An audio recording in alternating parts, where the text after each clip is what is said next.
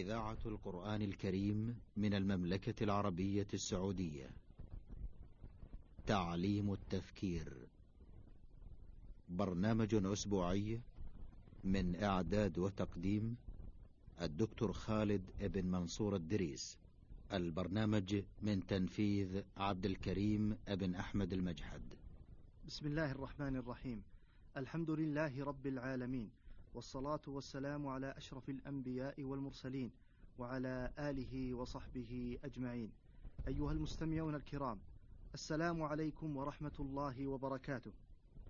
من المهم أن نحدد في هذه الحلقة من برنامج تعليم التفكير من منظور إسلامي مفهوم التفكير الذي نعنيه. ذلك لأن المختصين في العلوم التربوية والنفسية المعاصرة لم يتفقوا على تعريف. أو مفهوم واحد للتفكير. وبعد التأمل في كثير من التعريفات نستطيع القول أن التفكير هو الاستقصاء المنظم لموضوع من أجل غرض ما.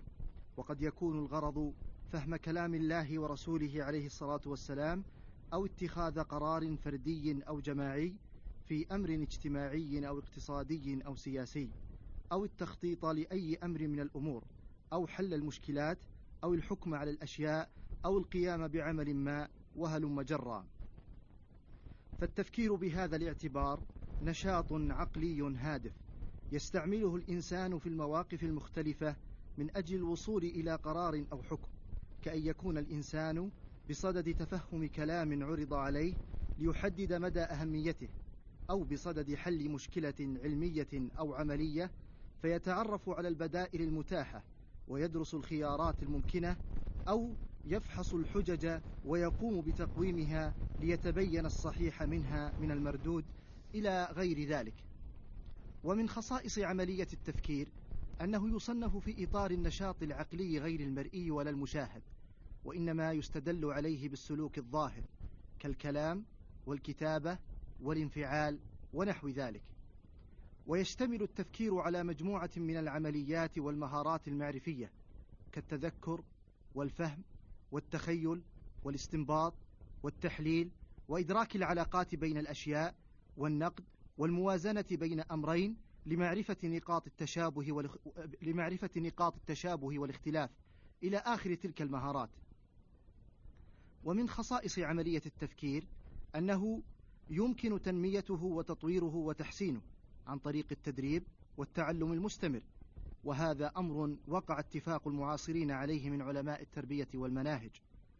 وفي المحصلة يعد التفكير من أهم محددات بناء شخصية الإنسان فاختيارات الإنسان وقراراته ما هي إلا صدى لتفكيره.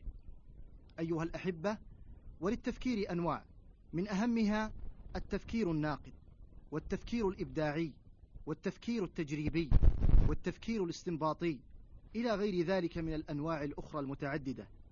ولعل قائلا يقول ما فائدة تعليم التفكير ولماذا يعد مهما؟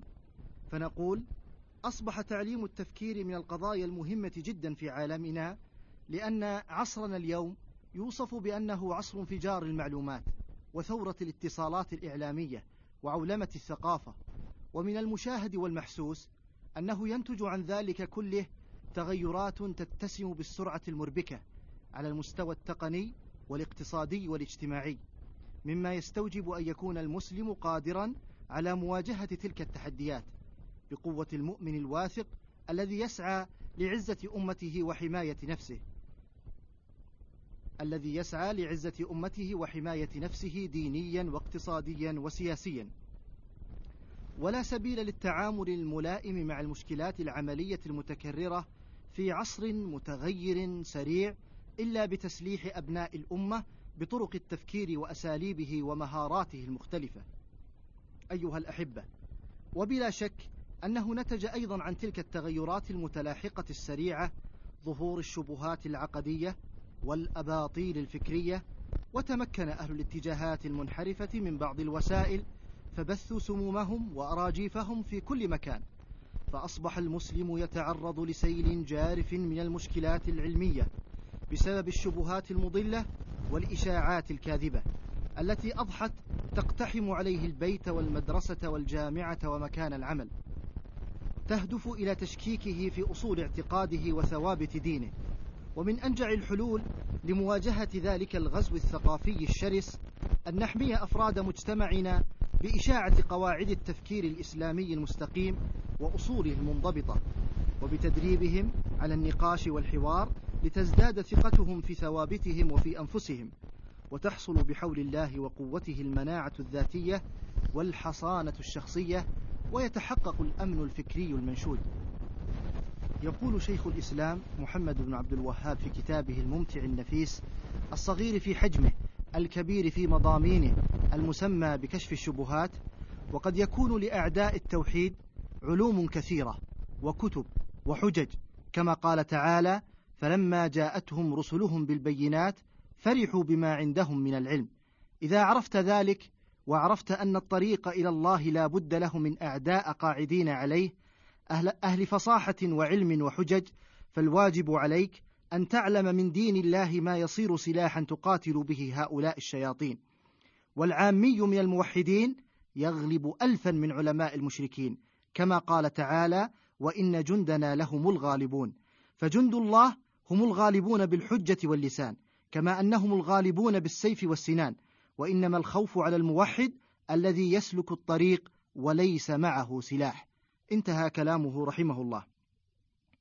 أيها الإخوة الكرام يعتقد كثيرون أن التفكير فطري يمارسه الإنسان بصورة تلقائية وما دام الأمر كذلك فلا حاجة إلى تعلم التفكير ومهاراته.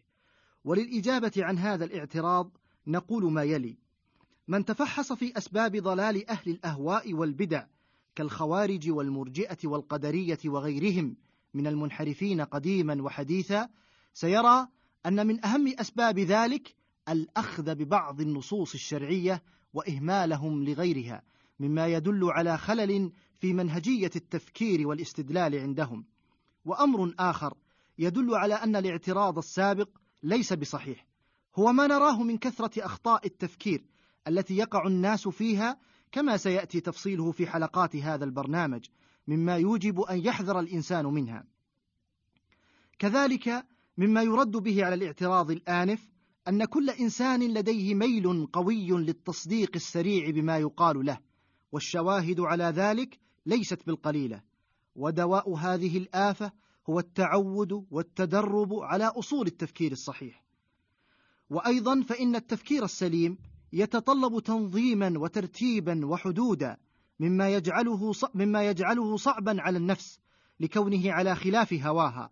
فالإنسان يميل بطبعه للسهولة والراحة والبعد عن كل ما هو متعب وهذا مما يؤكد على ضرورة أن يعلم التفكير. كذلك فنحن في عصرنا هذا نواجه بكم هائل من المعلومات النافعة المتدفقة في كل يوم وإذا لم نستوعبها بطريقة منظمة وعلمية فلن نتمكن من الاستفادة من هذه المعلومات الجيدة بالصورة المثلى.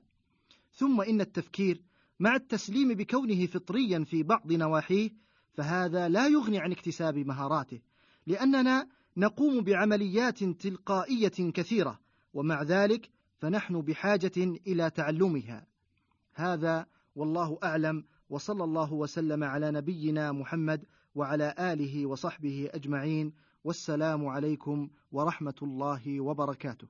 قدمت لكم إذاعة القرآن الكريم من المملكة العربية السعودية برنامج تعليم التفكير من إعداد وتقديم الدكتور خالد بن منصور الدريس.